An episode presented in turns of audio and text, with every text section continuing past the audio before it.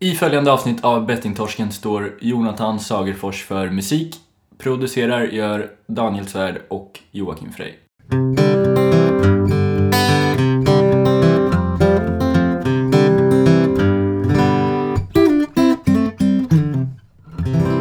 Välkommen till podcasten Bettingtorsken avsnitt nummer... Var är vi någonstans? 97! 907! Ja. Snart är Det vi blir där. vi om 17 år. 17 år. Ja, Har du det räknat ut det? Nej, Nej. det känns som så. Brukar man inte säga det? Ja, det är ju 700 år. 17 år. 100 år tror jag. är väl standard. Ja, ja, ja. Ja, Bra. du har haft en... eh, Du har haft en eh, livlig helg, har jag förstått. Det har jobbats och det har och... Så du pratar med dig själv nu eller? Va? Ja. Ja. Är du här också? Tjena! Välkommen. Eh, ja, jag har, eh, jag har varit igång. Ja, Här har vi ingen tid att vila. Det känner du till. det vet jag.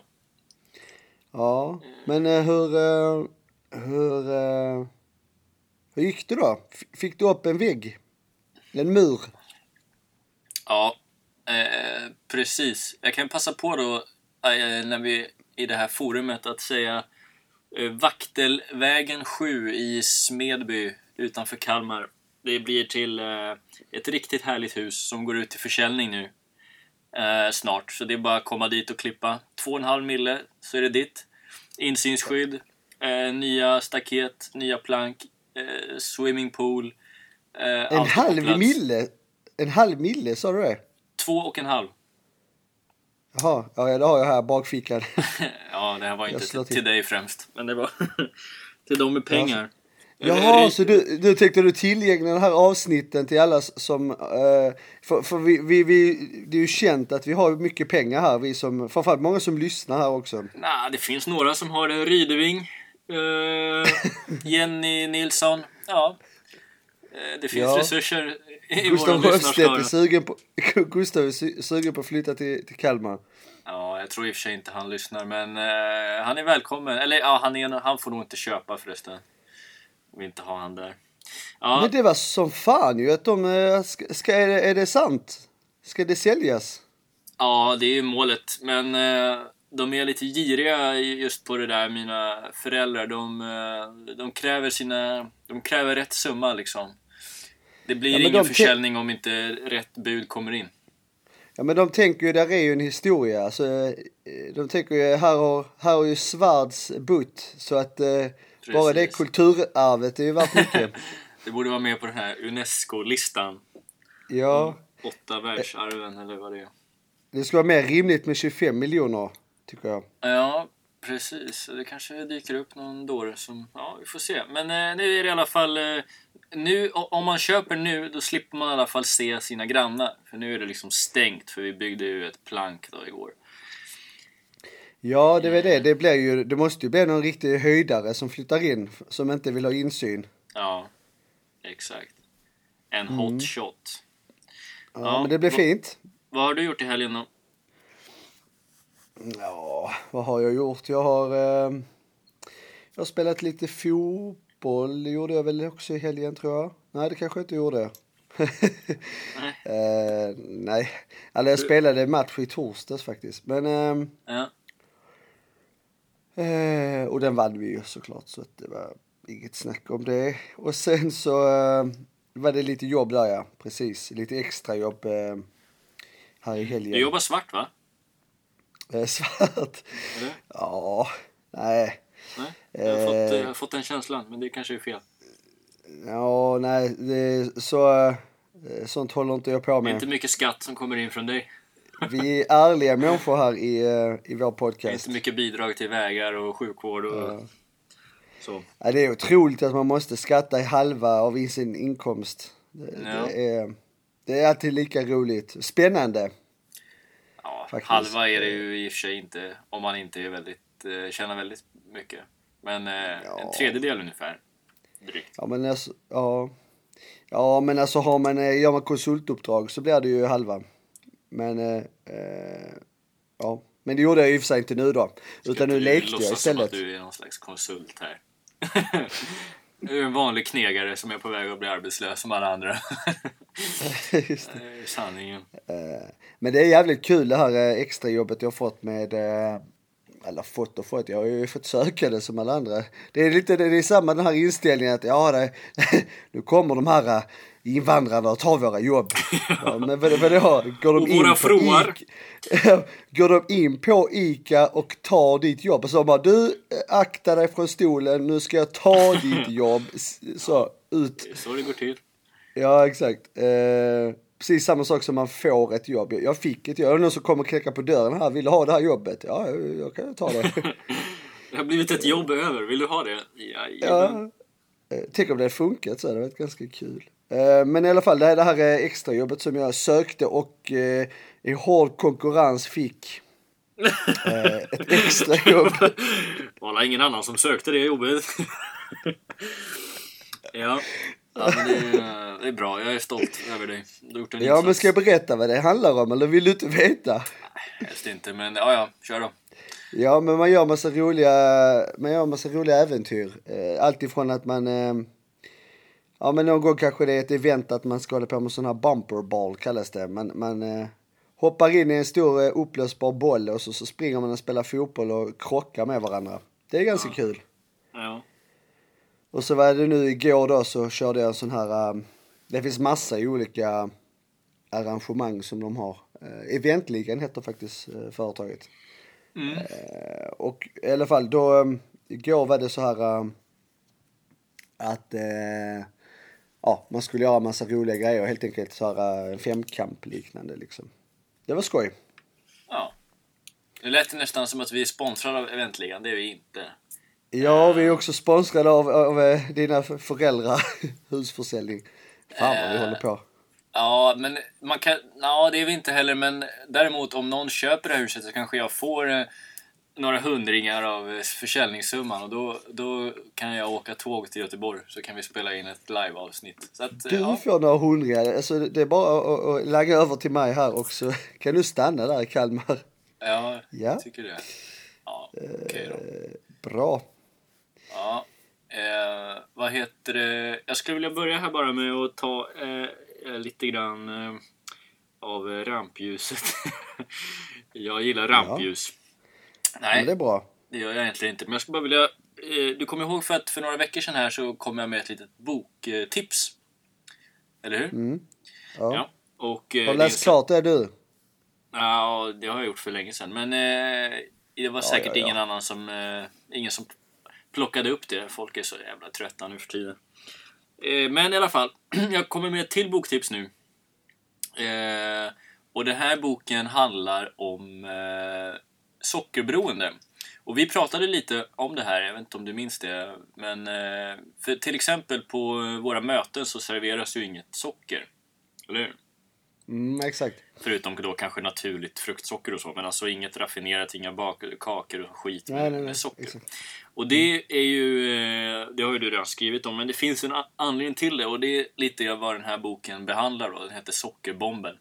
Och anledningen till att jag vill eh, ta upp det är dels för att lite grann varna då för det här eh, klassiska man kan göra att eh, gå över från ett beroende till ett annat. Man lyckas sluta spela men man börjar istället äta massvis med socker och eh, så kommer det massa negativa effekter av det. Men också för att något som var väldigt intressant i den här boken som tipsades om är någonting som kallas för en biokemisk reparation. Är det något du känner till? Nej, inte direkt. Nej. Berätta Eh, mer. Ja, precis. Jag, är inte heller svinbra på det här, men eh, på enkelt förklarat så handlar det om att eh, hon som har skrivit den här boken och, och, och många, många andra då hävdar att eh, sockerberoende och då andra beroenden eftersom att de är de säger ju att då, det, det är liksom samma. Eh, Alltså jag vet inte, är det, är det sockerberoende eller är det söt? Alltså att man är alltså söt, söt, alltså inte bara socker för det finns ju sötningsmedel också ju. Ja, precis. Nej, det, det är ju det. Eh, Det är ju det också givetvis. Och det är en viktig poäng. Det var bra att du sa det. Ja för, då, för, då, för då är man inne i något annat för socker i sig är ju naturlig. Alltså det är ju en naturlig, eh, eh, ja det är en sockerbeta. Ja, både och. Och då. Om med, du med köper en- sötningsmed... Ja, om, om du köper en påse på butiken med producerat socker, alltså vitt socker, det är ju inte särskilt naturligt. Det är ju det från grunden, men det är ju liksom processat. Liksom. Men eh, sen finns det ju också, om du läser på en innehållsförteckning idag på en vara, då kanske det står då kanske du inte hittar att det står socker och så tänker du, ja men okej, det här är inget socker, det kan jag äta, det är bra. Men då ska man passa sig för de här eh, fruktos och glukos och hit och dit som är rena ersättningar för socker som är ännu farligare, ännu värre alltså. Eh, och det är det som är grejen idag, att många är ju sockerberoende utan att veta om det eftersom att eh, producenter av diverse varor har tagit bort det vanliga sockret som är eh, dåligt men ersatt det med någonting annat som är ännu sämre. Exempelvis light-läsk och såna här grejer innehåller ju så mycket skit att man knappt kan liksom... Ja, det, det, det är ju helt sjukt vad, vad, vad, mycket sötningsmedel och såna grejer det innehåller. Då. Eh, ja, så, så det är både och. Men eh, jag skulle säga något annat, nu kommer jag av mig lite här. Ehm, jo, eh, biokemisk reparation. Det handlar om att de som har skrivit den här boken hävdar att eh, att, vi, eh, att du är sötberoende, sockerberoende, eh, det är ingenting som du skaffar dig utan att det finns inom dig från början. Din kropp och din hjärna är eh, liksom kalibrerad på ett visst sätt. Du har en biokemisk sammanställning som gör att du väldigt mycket lättare att bli beroende. Så kanske första gången du äter en chokladkaka då blir det jättejobbigt för dig att någonsin eh, liksom se bort från det där utan du måste bara fortsätta. Och det mynnar ut i ett väldigt farligt beroende. Som ju tar livet av många. Det är, alltså, det är väldigt allvarliga grejer vi snackar om här då. Eh, och, och då tänkte jag, när jag läste om den här biokemisk reparation just vid socker, så tänkte jag att eh, skulle man inte kunna tillämpa det här vid spel också? Eh, för det finns ju många olika teorier om varför man blir beroende. Om är det, är det kanske arv och, och eh, miljö man växer upp i? Är det hur tidigt man spelar? Är det hur, vad man har för bakgrund? Så tänker jag att borde man kanske gå lite mer åt att kolla upp hur är min hjärna konstruerad liksom, och min kropp? Hur, hur känslig är jag för att eh, ta till mig ett beroende? Eh, och det är väldigt intressanta grejer och jag, jag kan inte prata så mycket mer om det för jag, är för jag kan för lite helt enkelt men det här kan man ju läsa väldigt lätt om. Eh, exempelvis eh, i den här boken, eh, Sockerbomben som sagt. Man kan googla biokemisk reparation och få upp massvis med intressanta artiklar och texter om, om hur det här funkar. Då. Ehm, mm. Är du kvar? Ja, ja, jag lyssnar med, med öppna öron. Ja, jag tyckte det var i alla fall superspännande. För hon, i, i, I texten i boken så återkommer hon ofta till att hon tar upp alkoholism och narkotikaberoende, spelberoende och sexberoende, matberoende. Att det, är liksom, det handlar inte bara om socker utan allting det här hänger ihop. Och, och ehm, mm, det, det är spännande. Alltså jag, ja, jag tycker det är jävligt intressant där, för jag har varit inne mycket på det också för att det här med sötning som är framförallt, alltså just det naturliga, visst det är raffinerat och det kan tillkomma kemiska tillsatser i vanligt socker men också i, i um, till exempel stevia då, som också är en naturlig eh, växt. Ehm, så tänker man att det är något alternativ som är betydligt bättre om man är tvungen till att ha socker i alla fall. För ehm, kroppen hanterar just det sockret betydligt bättre. Eh, än just den här eh, kemiska, rent kemiska eh, och artific- artificiella eh, sockret. Som då till exempel, alltså med sö- alltså sötningsmedel av olika slag. Eh, till exempel då framförallt aspartam som är väl en av de vanligaste. Eh, där det egentligen utminjar, alltså det, det togs fram från början för krigs, eh, alltså för, för att använda i krig. Mm. Eh, alltså det, här, eh, ja, det var någon kemist som tog fram det här. Det här kan man eh, söka på om man inte tror mig. Eh, men det bara tog fram det i alla fall och, eh, och det skulle användas i krig på olika sätt. Men sedan då så eh, gjorde de om det och Och eh, för att det fanns söt, sötande effekt i det där på något mm. sätt. Och så um, köpte Monsanto då, som är den stora genmodifierade fabriken, de som Ja, här, eh, de som, allt är konstgjort liksom. Det mm. finns ju fröer och allt möjligt. Men i alla fall, då köpte de upp det här rättigheterna till att sälja det här och så ändrade de om namn och så vidare. Och, och eh, har det nu i egentligen alla sina produkter, alltså alla deras light-produkter och så här. Mm. Eh, Zero-produkter och så döper de om det vid olika mm. tid bara för att folk ska inte minnas, alltså inte, ja, komma ihåg vad det heter. Jag tror det heter natural, eh, när det heter, mm. nu går det under något annat namn. Uh, fan, As, uh, Asamino Sweet eller något sånt där. Mm. Ja, i alla fall, det här är ju cancerogent, 100% liksom. Mer eller mindre. Nej men det är så, det, det är, eh, de har gjort hur mycket test som helst, framförallt på djur, men djuren tar inte upp socker på samma sätt som människor gör. Men många, de flesta, alltså nästan alla djur som de har gjort de här undersökningarna på när det gäller det här har fått cancer. Mm. Eh, ja. Och det, det är det som också är så... Eh, alltså det här kan ju folk, det kan ju vara väldigt provocerande kanske om man har det här i sin familj eller så, men eh, dels i, i, i den här boken då, Sockerbomber, men även andra källor visar... Alltså folk kan berätta om att människor som har haft eh, som har Alzheimer, som har ADHD, som har cancer, som har några av de allvarligaste sjukdomarna eh, blir botade. Alltså helt enkelt botade genom att eh, lägga om sin kost. Och då handlar det om Eh, nästan i alla fall handlar om sockret. Eh, folk är, är sockerberoende utan att ha en aning om det. Liksom. Och det är klart, jämför du vanligt liksom, raffinerat socker i, i, från sockerbeta eller sockerrör, då är det klart att det är bättre än de här sötningsmedlen. Men även det vanliga sockret så ska man ju helt enkelt inte stoppa i sig. Det är, det är direkt farligt. Eh, men i alla fall, men, men, men poängen med, med, resonemanget var i alla fall att eh, ett litet försiktigt tips om att googla sig fram på det här biokemisk reparation och se om det är någonting som skulle kunna vara intressant. Liksom. Jag kommer läsa jättemycket om, om det här för jag är superintresserad av det. För jag känner fortfarande att jag är spelfri och så men mycket av det jag gör eh, sker på ett eh, konstigt sätt och ett extremt sätt. Att det ska vara mycket och, och hela vägen in och du vet det här som vi ofta pratar om. Eh, ja, det är så det... intressant det där när man pratar om, för att ja, um, allting har ju kopplingar, så allting som har en effekt på kroppen som ger en belöning i, i, i alltså som ger dopamin eller mm. alltså man mår bra av det, det är ju socker, bland annat koffein i samma, det finns mm. saker man kan ta liksom i, och då kan man ju likställa det med, med andra beroende liksom. Ja. Uh, ja, jag tror det var intressant det där med socker. Jag, jag har faktiskt varit inne mycket på det nu den sista tiden också. Alltså framförallt det här, alltså just tänk det här, det är ganska sjukt att folk som har diabetes exempelvis, mm. de skulle sluta äta socker men de, det är okej okay att äta de, alltså så här diet grejer liksom. Ja, visst. Så här, och det är så sjukt, det är ännu skadligare. Ja. Uh, och det är inte många som vet det. De, uh, ja.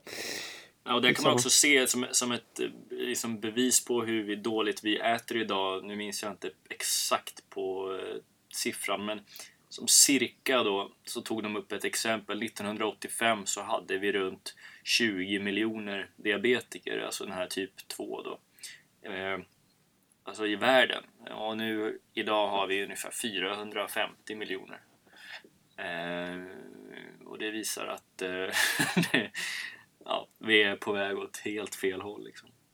Mm. Ehm, och eh, ja, de här siffrorna det, det eh, korrelerar ju inte med befolkningen. Vi har blivit ungefär dubbelt så många invånare på jorden sedan, sedan 85 så rimligtvis då så borde vi vara ungefär 40-50 miljoner diabetiker. Vi 450 liksom. Och det kan man ju bara, någonting enkelt man kan göra är ju så här varje gång man handlar, läs på in, vad innehåller den här varan liksom. Och så kan man ju tänka typ, står det E någonting med E bara så är det egentligen bara att kasta, liksom, då är det dåligt. Eh, det är, en bra, det är en bra start om man vill bli lite nyttigare. Ja. Ja, bra. Det var det. Tror du, eh, tror du folk hakar på trenden nu då? Ja, Men det var kul, jag hade faktiskt aspartam på min lista att prata om. Ja. Ska du börja Så- sälja aspartam? Ja. Till de jag inte gillar. Nej, Till fy fan vad hemskt. Nej, det ska man inte ens sälja till hälsobutiken. Vill ha lite aspartam. Men du, en annan sak som jag tänkte på här. mm. Eh, eh, du, jag, alltså det, det här är så spännande. Jag, jag, jag vet inte vad det var, men jag satt och lyssnade på några gamla avsnitt eh, från vår podcast. Okej. Narcissisten. Vad hittade du för aldrig. spännande? Nej, jag lyssnade lite på de här första avsnitten i början. Mm. Ehm, där vi var helt nya. Ja, det var väldigt int- intressant, pinsamt nästan att lyssna på. Men eh, det har vi pratat om innan. Däremot så, eh, när jag lyssnade på avsnittet med Johan Carento. Mm. Nummer fem va? Ja, han är god. Han bara, jag är mindre god, jag är nog mest arg. Det var skönt Mm. svar. Eh, Men han, det var ju så kul när han pratade om, ehm, han var inne lite på någonting som, alltså du vet i början, man borde lyssna på de här första avsnitten för eh, där har, borde vi lära oss mer av vad vi egentligen gör nu när vi kan mer. För att han var ju inne på många grejer som vi egentligen har missat lite. Okej. Han var inne och frågade liksom varför till exempelvis ehm, eh, är det svårt för till exempel de här som jobbar för eh, spelfri, alltså spelfrihet eller vad man säger. Alltså Folk, Folkhälsomyndigheten och de här myndigheter som jobbar med att ehm, ehm, eh, ja, och spelberoendeföreningarna och de här som jobbar för Och att liksom det här med samverkan och att kanske stötta då de här olika privata projekten. För han var väl inne lite på det på grund av filmen och sånt kan jag tänka.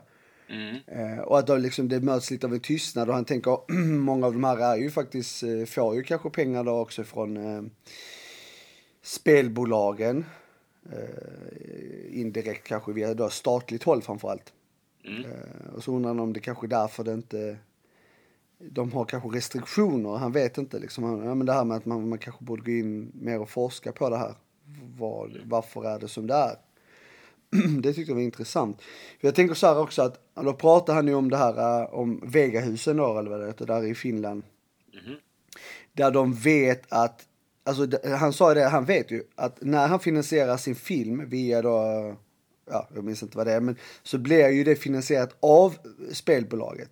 Man vet att det är sponsrat av spelbolaget. Jag vet inte om du minns det? Ja, svagt. Ja. Ja. Och så sa han till exempel, här är det Jo, ganska... s- eh, ja förlåt. Ja, nu kommer jag bara på att nu minns jag det tydligt. Ja. Ja, det är bra. eh, eh, och då, då är det så här, och så, här är det ju svårt för det här går ju alltid in, in i någon stor kassa liksom. Mm. Och, ehm, och man vet ju inte riktigt vad, alltså då blir ju, det, det här är så spännande nu när man tänker efter. För att hela samhället blir ju så otroligt beroende av spelberoendenas pengar. Eller framförallt från spelbolagens pengar som är då indirekt från spelberoendes pengar. Alltså människor som har problem med spel. Och då blir hela samhället, precis som vi har pratat om mycket om det här med att man måste ju särskilja, alltså man måste ta ifrån idrottsrörelsen till exempelvis ifrån Mm. att vara beroende av spel, alltså av, av Svenska Spel till exempelvis och så vidare. Ja. Och vet man då, jag fattar inte varför inte den strukturen är så som till exempel i Finland. Det skulle vara så mycket enklare för då vet man ju också, okej men väljer jag att göra film så vet jag att jag får pengar från dem. Mm. Och då får man välja, ska jag göra film eller inte? Alltså förstår du vad jag menar? Eller om man ska göra detta, då vet man pengarna kommer därifrån. Det är exakt därifrån. Eh, för nu, nu är det så att nu kan ju många skylla på allt och bara, ja men jag tar emot pengar. För det har varit lite liv i luckan efter det här förra avsnittet med spelbolagen. För det visste vi om. Det är ju känsligt ämne där med att ta emot pengar från spelbolagen. Mm. Och Ska man göra det direkt eller ska man, är det okej att ta det via en stiftelse där alla lägger pengar? Eh, alla spelbolag, men det går via en stiftelse som man då får ansöka om. eller då är det precis som att ja, men man får ju pengar nu från spelbolagen ändå för att det går till staten. Du vet. Mm. Mm. Det blir så otroligt luddigt liksom. Eh, ja, det var bara så jäkla intressant för att man skulle och det sa han också i det avsnittet, man skulle gärna vilja kolla mer var de pengarna går, om, man, om det finns riktning på var pengarna går någonstans i samhället. Alltså, Och det, ja, den frågan måste vi ställa oss själv. Var går exakt de här då 18 procenten skatt samt överskotten och vinsten någonstans? Till exempel. Så att, nu vet jag inte om överskotten och vinsten från ATG och, och Svenska Spel fortfarande går ut som det gjort innan. Eller om de faktiskt kan ta ut det i vinst nu, det vet jag inte. Men jag tror det går i överskott ut till um, statskassan då. Men spelbolagens 18 procent som de får nu, som de skattar nu, som har licens, var exakt går de pengarna? Ja, alltså det där är ju superintressant och det har väl pratats lite grann eh, till och från om öronmärkning och om det ska gå till en viss del, ska gå till behandling av spelberoende och sådär. Men jag tycker inte, det finns väl inga, nu kanske vi har missat det också då, men att det har väl inte funnits några klara besked om det riktigt hittills. Eh, vad jag vet i alla fall. Men det är en väldigt relevant fråga och det är viktigt vart, ja, vad de har tänkt med de pengarna.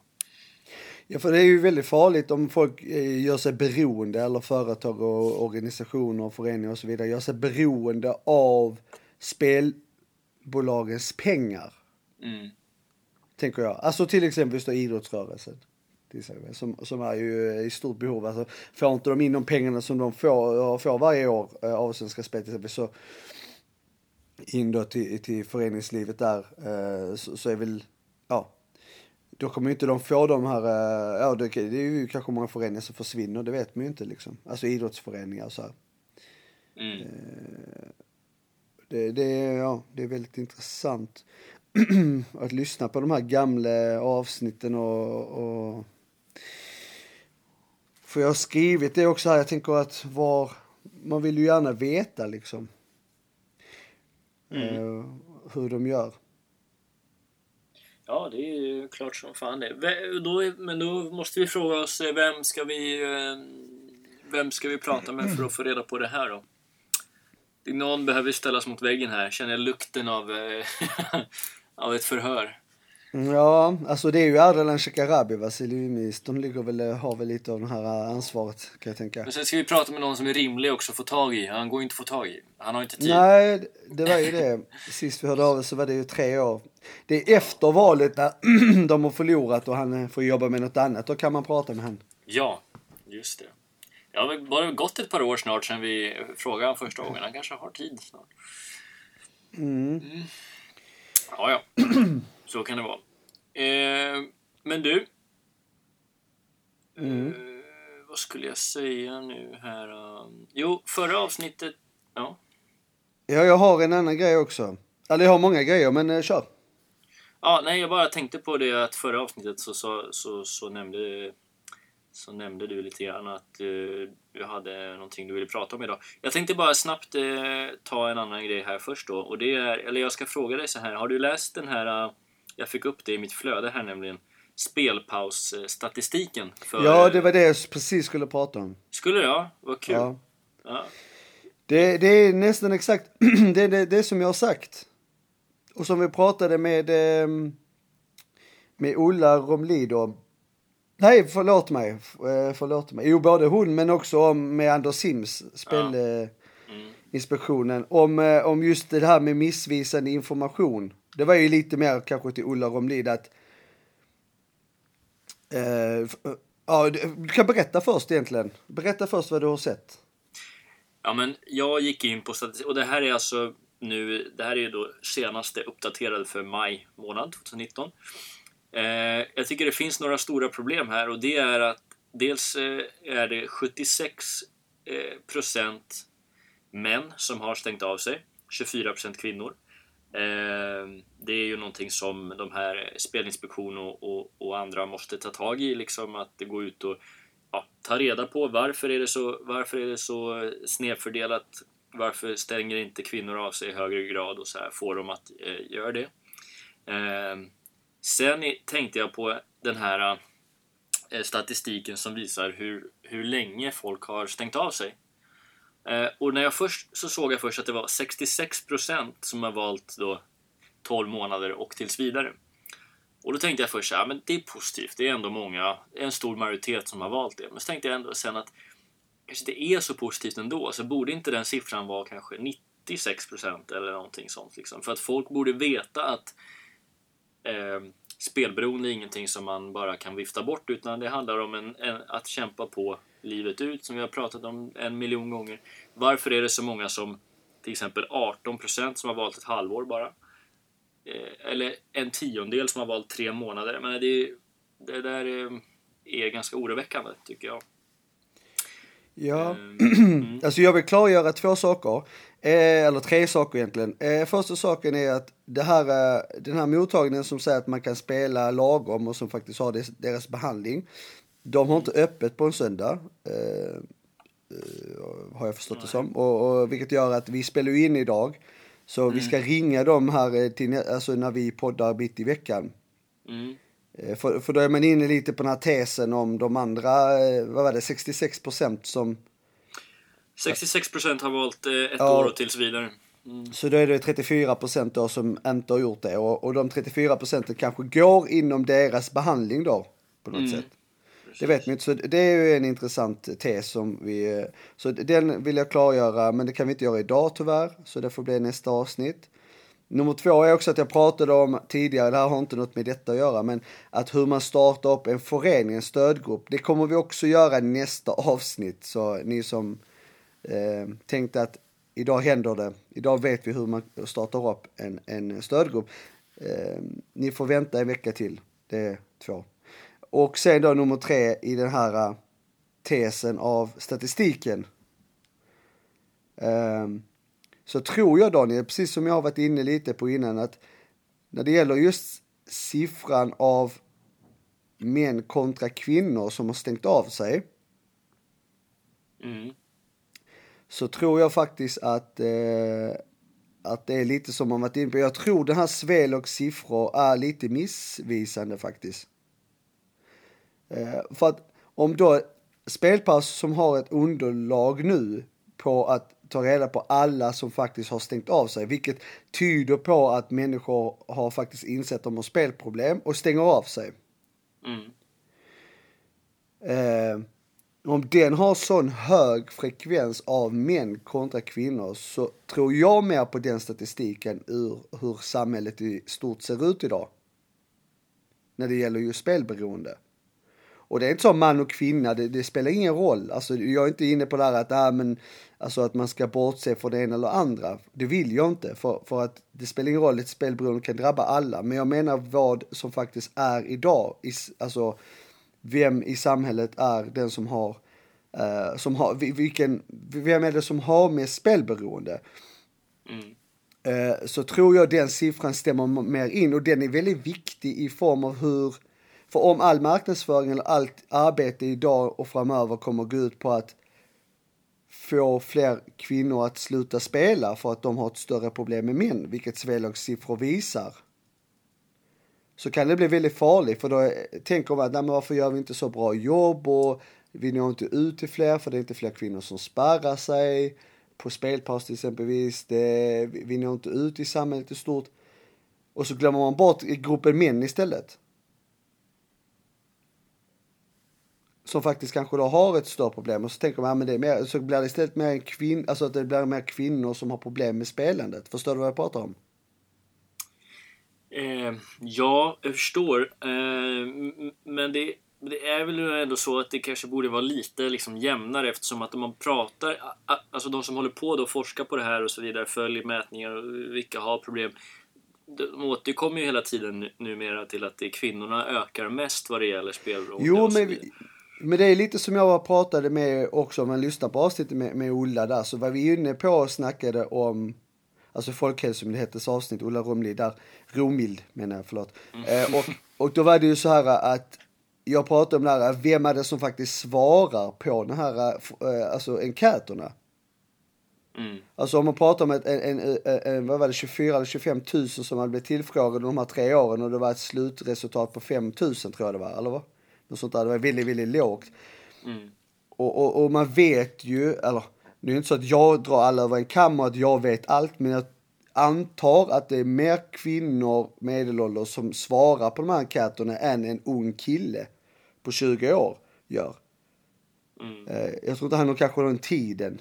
Um, Det kan så- vara så- så. Alltså, det är en intressant teori. Det kan vara så. Det, be- det behöver inte vara så. Liksom. Men det behövs ju kanske... Det, alltså det som vi, vi vet definitivt att det behövs ju oerhört många fler som, som svarar. Liksom. De behöver ju hitta något sätt att ta tag i det. Ja, jag tror att det kan bli väldigt missvisande den här informationen om, alltså jag tror man måste hitta, jag tror att däremot spelpaus statistik nu, eller deras underlag, är väldigt intressant att bygga vidare på. Till exempelvis, av alla de här personerna, jag tror det är 35 000 va, plus personer som har spärrat sig. Hur många av dem eh, har själv ett spelproblem? Hur många av dem är anhöriga till någon som har spelproblem? Och hur många är eh, ingenting av det utan de bara stänger av sig för eh, en symbolisk sak? Eller kanske är trötta på direktreklamen? Mm. Eh, alltså, du vet, där vi så eh, intressant information att kunna använda av de här personerna. Jag bara tänker att för att få en mer exakt siffra på hur spelproblemet ser ut i Sverige idag. Mm. Ehm. Mm. Eh, Och samt också där hur många av de här som kanske då har spärrat, de 66% som har spärrat sig eh, tills vidare 12 månader då. Eh, hur många av dem skulle kanske vilja spärrat av sig hela livet? Mm. Och därav kanske göra förändringar, för då har man det här underlaget kan man visa att så här många personer eh, som har sparat så här skulle vilja göra det eh, för, för eh, alltså så här, eh, kanske tio år. Och då kan man påverka det här mer politiskt, för det, det är bra underlag liksom. Mm. Sen är det självklart tråkigt att det är så här, alltså att man kan använda det här underlaget till att men man förbättrar ju också miljön, alltså spelberoendedebatten för, förbättras ju med den här statistiken och den här faktan. För det här är ju ren fakta. Det är inte enkäter eller andra spekulationer. Eh, Utan det här är ju ren fakta. Ja, eh, men de... ehm, Men annars är det som du sa, om det skulle visa sig att Swedocks siffror är 100% rätt, det är så här, det är så, det, det, de är trovärdiga och det här ska man, det, det, det, det ska man förlita sig för. Jag är kritisk, men jag är kritisk mot väldigt mycket liksom, så jag, jag granskar mycket och kollar runt och så här, men är det här sanningen? Och det, så här ser det ut och det är fler kvinnor än, än män, eller att den ökar i alla fall, eh, och det är ganska jämnt, då är det ju väldigt farligt varför man inte når ut till fler kvinnor enligt då spelpausstatistik. Mm. då är det ett stort problem. Var, varför spärrar inte fler kvinnor sig till exempelvis? Mm. Det är ju jätteviktigt. Jag tycker i alla fall det de behöver ta tag i omgående är, vi pratade ju med Anders om det också, det är marknadsföringen av spelpaus. Det sa han att, nu, minns jag inte exakt, jag ska inte säga att han har liksom sådär inte gjort det han ska, men det måste komma igång en marknadsföring för det behöver öka. Alltså om du kollar på januari när det när den eh, kom, eh, spelpaus... När det, eh, när, det skrevs om det, när det skrevs om den ja. För det skrevs Ja. ju överallt då, om Nej. spelpaus. Ja, exakt. Och den lanserades i januari. Då var det 19 000, någonting, nästan 20 000 första månaden där. Sen ökade det med 5 000 till februari. Och sen har ökningen minskat hela tiden. Nu ökade det med, med knappt 3 000 då, mellan april och maj. Så att det måste komma igång. Alternativet att stänga av sig åtminstone fem år, tycker jag, måste komma igång snabbt. Eh, och ja, det finns några delar till, men de två tycker jag är liksom akut. Nå ut till alla. Man ska kunna stänga av sig längre än ett år. Och faktiskt, även om du då väljer sex månader, se till att det inte, att det inte den hävs per automatik, utan du ska själv behöva häva din avstängning. Jag tror det är superviktigt. För det blir ytterligare en sån vägg att, okej, okej, ska jag verkligen göra det här nu? Är det smart att ta bort det här? Nej, det kanske inte är det. Och så skiter man i det liksom. Ja, men det, man ser ju det, eh, exakt som du pratar om, alltså, när det just skrevs som mest om det här självavstängningsprogrammet Spelpaus då, så i alla sociala medier, och det spreds överallt i januari, februari, där var det väldigt stort tryck på, eh, ja det skrevs ju precis överallt om det. Mm. Det var ju ungefär samma tid som när vi höll på, alltså när, det gör vi ju fortfarande, men när vi drev kampanjen om, om att förbjuda spelreklam, vilket vi fortfarande driver. Och det är ju vår absolut eh, kärnfråga. Ehm, då var det ju en otrolig, eh, då var det ju samma där när det skrevs så mycket om det. Det var ju januari, februari, det var stort, eh, det var många som skrev på. Mm. Men den sedan har minskats och minskats för, för, för månaderna som går. Och, Eh, så, men skriv på om ni har missat det. Eh, det hittar vi ni i våra sociala medier också, den här länken till sidan. Men, men eh, det är som du säger, det måste vara... De har ju gjort en video, spelpaus vet jag, om um, hur man stänger av sig. Sen är det ju frågan varför inte den kanske har spelats i... Ja, varför inte de har fått synas kanske på de större mediabolagens mediebolagens eh, sidor. Utan ja. bara, vad jag tror så har den bara varit på Spelpaus egna sida. Vad är det? Jag har inte ens sett den här videon men... Uh, ja, det är en video ja. om, om just Spelpaus då. Hur man gör liksom, eller vad är det? Ja, lite grann i info så här och hur man gör. Spelpaus, på, nu gick jag in på Youtube och hittade jag den här. Men den ska ju upp som en reklam på liksom, TV4 bästa sändningstid. Ja, exakt. Så det, det, är ju frågan varför de inte har gjort det. Och, och samt också det att de, de pratar om att det skulle vara mer influencers som skulle bli sponsrade av Spelpaus. Så det kan ju vara dags att göra det då också. Verkligen dags.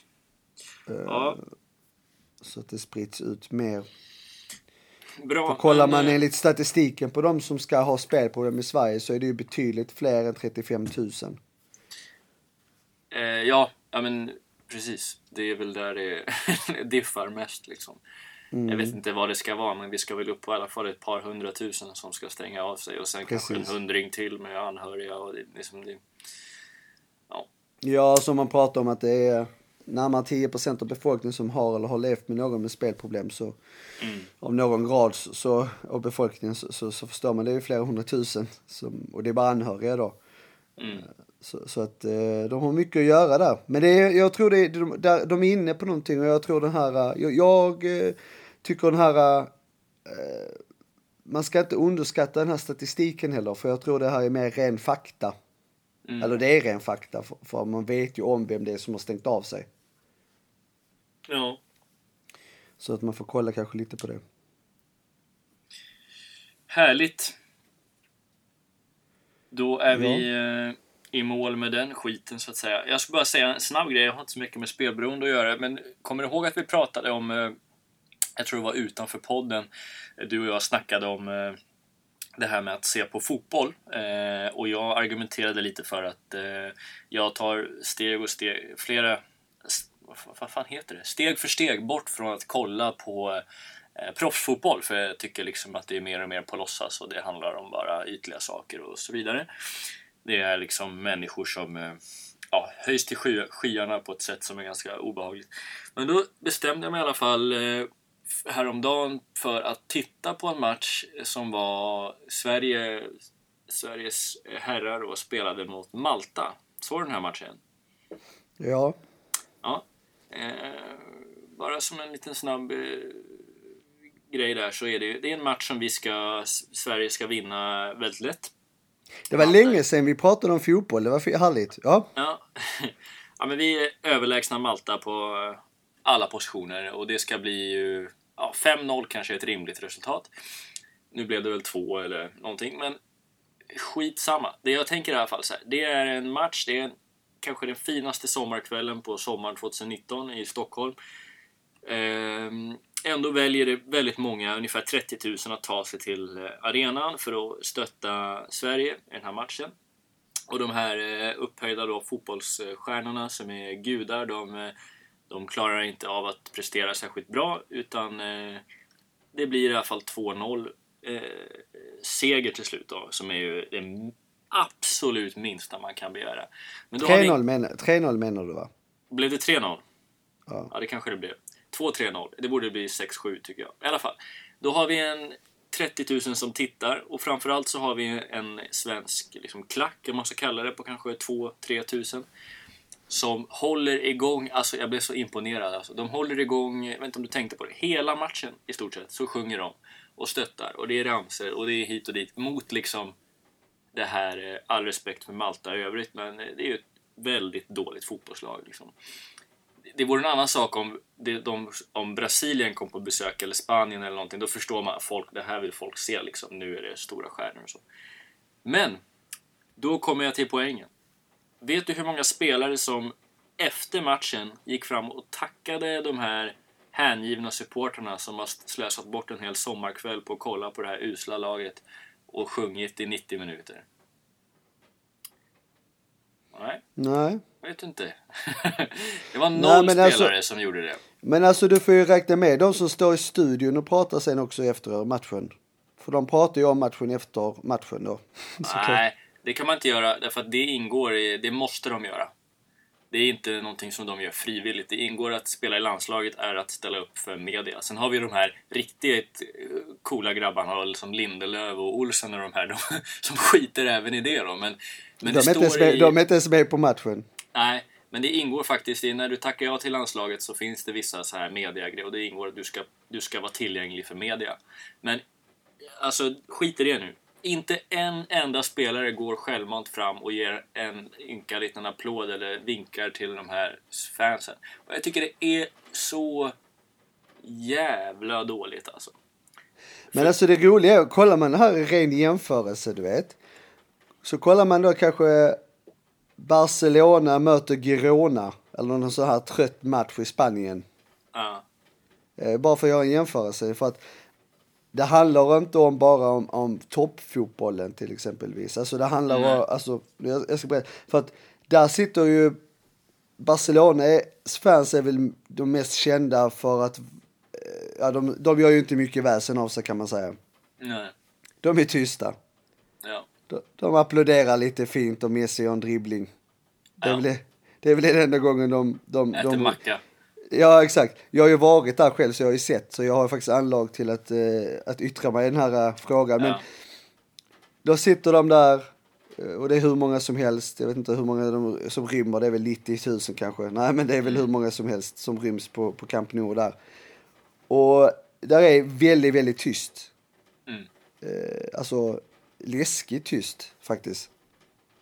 Men efter matchen så ställer faktiskt de alltid upp och pratar med media efteråt. Messi eller om det då, eh, ja, vem det nu än är, eh, Busquets eller vem det är, så ställer de sig och pratar med den här eh, spanska medien efter matchen och så här. Det gör de alltid. Och det är det så intressant i det här att en direkt jämförelse då med, med den här matchen du pratar om, Sverige mot Malta.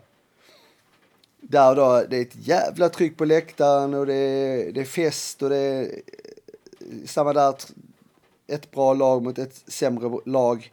Mm. Men då tror ju de här svenska stjärnorna att de är större än Messi och alla de här, eller vadå? Att de slipper att prata Ja. med media. De tror det och de förstår inte. Det är jävla att- pinsamt.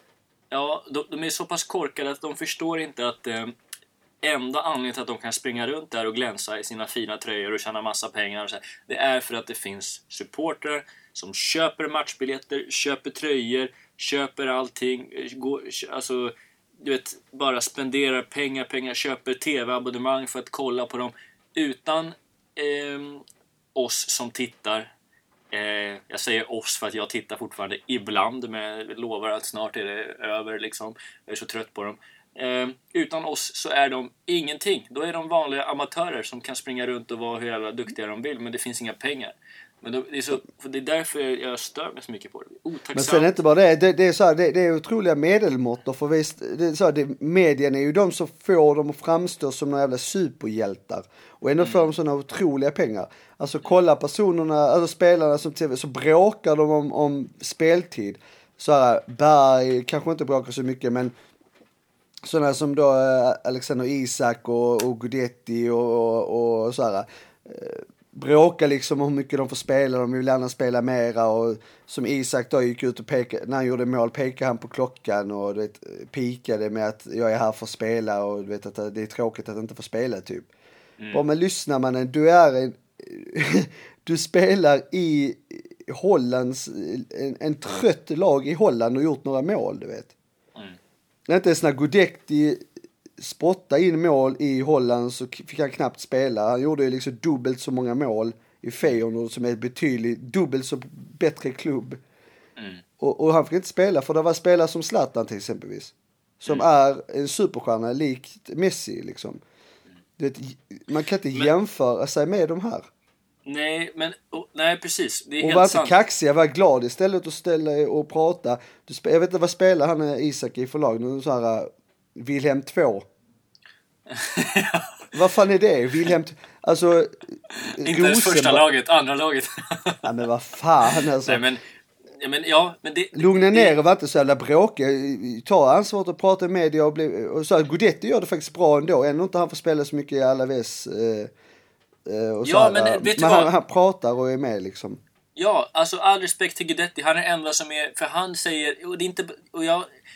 Anledningen till att jag tog upp det här, det är inte så här prata med media, för det, det ska man göra. Det är, det är ett kontrakt. Utan man ska prata med fansen frivilligt. Men varje gång Guidetti får lite mediautrymme så tackar han supporterna. Han säger tack för att ni kom och kollade, det är jättekul. Alltså, det, och han skriver på sina sociala medier, nu spelar vi match, nu har vi träning, kom ner och kolla, vi behöver er. Han är alltid så till fansen och det tycker jag är värt att lyfta, för det är fint liksom. Men det är inte att de ska gå och prata med Simor eller vad det är som sänder, utan man ska gå bort till klacken. Det, går, det handlar om 30, 40, 50 meter. Gå bort dit, säg några ord, vinka, en liten applåd, vad som helst liksom. Men de gör ingenting sånt. Och då är det bara så här, kom aldrig tillbaks till det här landslaget. Vi behöver inte de här diverna liksom. Vi är så less på det där. Okej, vi fortsätter vara positiva anda. Jag har, jag för Nej. ett krig. Jag för ett krig. Ett kvittokrig. Jaha, Du, du känner ju mig Daniel, vi har känt varandra i många år. spännande. har du hittat du en vet ju- rabatt nu? Nej, nej, nej, inga rabatter. Du känner ju mig och, och ehm, du vet ju också att eh, jag vet inte hur många gånger jag har sagt att kolla kvittot varje gång du handlar. Ja. Ja, det är ju som stående. Jag kollar kvittot varenda gång och det är av en ren slump för nå- något år sedan så kollade jag på kvittot för jag gjorde det väldigt sällan för och så såg jag att jag hade då eh, ja, att varor och så här inte var inslagna rätt. Mm. Ica Kvantum i Munkebäck, usla butiken på planeten tror jag. Det är, nog, det är nog världens sämsta butik. Alltså deras bemötande alltså. Eh, de slår ju såklart fel för eh, eh, de slår alltid in fel. Det gör eh, alla butiker mer eller mindre. Men de slår eh, alltid in fel. Så att jag var ju beredd. Så jag sa till innan kvittot ens var klart att eh, ja, det är fel där och där och där. Ja, okej. För jag är ganska bra på att minnas så här sifferminne. Och framförallt när man inte har så bra med pengar så är man också mer Blir medveten man om jävligt det. bra på det. Då är man ännu bättre på det där. ja. Och då sitter hon där, gamla tanten. Eh, Jag skulle nästan vilja säga hennes namn, men det, det skulle vara för taskigt faktiskt. Men Ja. det är en gammal tant på Ica Kvantum, Munkebäck. Hon vet vem, vem hon är och de andra i, som var med den dagen vet också vem hon är. Mhm, Okej. Och jag sa till henne att det är fel och hon bara, jaha, nej, ja, men det är, nej, det är inte fel, jag slår in det, men, men alltså det, det är fel. Och började hon kolla i någon, någon, någon bok där eller någon så här. Så jag bara, men alltså, du får ju ringa till någon i butiken som får kolla alltså priset, för det stod det priset där. Och hon bara ringde, ingen svarade, nej jag kan inte göra något. Stod, sitter hon helt still i 20 sekunder. Ja, Vad intressant. Ja, och så sitter, eh, alltså min tjej då, hon stod och väntade. Och du vet, det blir ju den här pinsamma, och hon vill ju att jag ska ge mig. Och bara okej, men skitsamma då. Ja. Och jag bara står och tittar på henne. Jag bara, som säljare vet man om att den som bra. öppnar munnen, munnen först liksom är ju den som kommer att förlora. Exakt. Och hon bara, jaha. Så jag bara, så jag bara, eh, och så sa jag till henne, okej, jag ska göra ditt jobb. Jag ska gå och så ska jag ta foto i butiken och så ska jag visa dig vad det kostade. Och hon bara, "Åh", liksom så här, gick jag iväg, tog foto, kommer tillbaka. Vet du vad kärringjäveln hade gjort? Hon hade skrivit ut mitt kvitto och så säger hon till mig att nej, de sa att du hade bytt kassa. Jag bara, va? Ingen har sagt det. Vadå att du... Men dina Att varor jag hade var väl bytt kassa. kvar? Ja, och då hade ändå min tjej packat ner alla varor. Så då gick jag tillbaka och ställde mig i andra kassan och hällde upp alla varor från påsen på bandet som en demonstration. Och så sa jag till henne, hon kärringen där, eh, hon eh, får nu söka ett annat jobb. Vad är det för jävla beteende? Helt sjukt hur människor är. Alltså visst, Men, Jag men är hur ju- slutade historien? Det slutade med att jag fick ju mina priser avdragna såklart, för det var ju fel. Ja, Jag hade ju rätt såklart. Och det är det man lär sig i, i service, att ofta har ju kunden rätt liksom. Och sen får man bara ha god min. Alltså, vill man inte jobba med att slå in varor så byta jobb liksom. Det är inte så svårt. Eh, och jag tror faktiskt hon luktar lite alkohol också. Eh, faktiskt, så jag tror hon var lite... faktiskt hon var lite full. Ja, men eh, det jag vill i alla fall komma fram till här nu är att jag uppmanar alla människor i hela landet att, jag gör det alltid, att alltid kolla sina kvitto. Alltid. Ja. För det är minst, för mig i alla fall så här, jag vet inte om det är bara för mig då, men det är minst varje eller varannan gång så är det fel. Och det kan handla om, det är i alla fall minst på 10% av beloppet som har Okej. blivit fel. Så jag tror det här är liksom ett system som dagligvaruhandeln har för att få in det här äh, extra, Oj, oj, oj. Nu, nu, nu eh, sätter du ner foten verkligen. Du Jag säger alltså foten. att det dagligvaru, dagligvaruhandeln... jag sa det Så- krig. Du, du, de, men du säger att de har satt i system och, och lura folk? Jag tror det. För jag har alltid fel. Varför ska jag alltid ha fel liksom? Och det kan handla om sådana små saker. Till exempelvis att, eh, ja men det kan vara så här att de eh, slår in ordinarie pris fast det ska vara en kampanjpris. Är du med? Det är ju ett stort fel liksom. Eh, eller att de liksom, eh, alltså det har ju till och med hänt att de har slått in fel varor och sånt. Så man kommer hem och så, så har de slått in någonting helt annat. Och man bara, vad fan är det här liksom? Så att jag uppmanar alla kolla kvittona. Och då har jag sagt till dig Daniel också hur länge som helst att kolla alltid kvittot. Men det gör inte du. Nej, jag gör faktiskt inte det. Jag, jag har, känner inte att jag har liksom... Jag vet inte. Alltså det, det handlar ju om pengar. Jag menar, av alla de pengarna jag har nu fått tillbaka på grund av att jag får alltid tillbaka pengar. Eh, Så ska jag, jag, jag, jag, tror faktiskt inte att jag överdriver om att det minst handlar om eh, ja, men ett par tusen i, om året alltså. I fel. Ja. Bara Ska på du- mig då. Skänker du de här pengarna då till eh, Amnesty? Ja, jag skänker dem till mina, de som, eh, Till dig själv? de som hanterar mina skulder. Så de är får bra. tillbaka. Ja. ja, men bra. Kolla kvittot. Eh, läs eh, om socker. Ifrågasätt eh, Anders statistik. Eller Spelinspektionen. Ja, då har du en bra helg framför dig helt enkelt. Eller tro på den ja. Och så var det boktips där ja. So bomber och socker, sockerbomberna. Jag sa ju det. Ja. Sen, eh, ja, ja, du vet jag har fortfarande inte betat av min lista som jag har skaffat mig efter de här det, veckorna. får, vi- det får vi återkomma till. Ja, men eh, häng med bara för nästa eh, nu kommande så, så är det eh, kul, roliga grejer som kommer hända. Härligt. Vi hänger med, vi är uppdaterade, vi är tune in, turn on and dropping out. Okej, I'm out. ja. Okej. Ja, okej. Ha en Hej. bra söndag. Hej. Ja.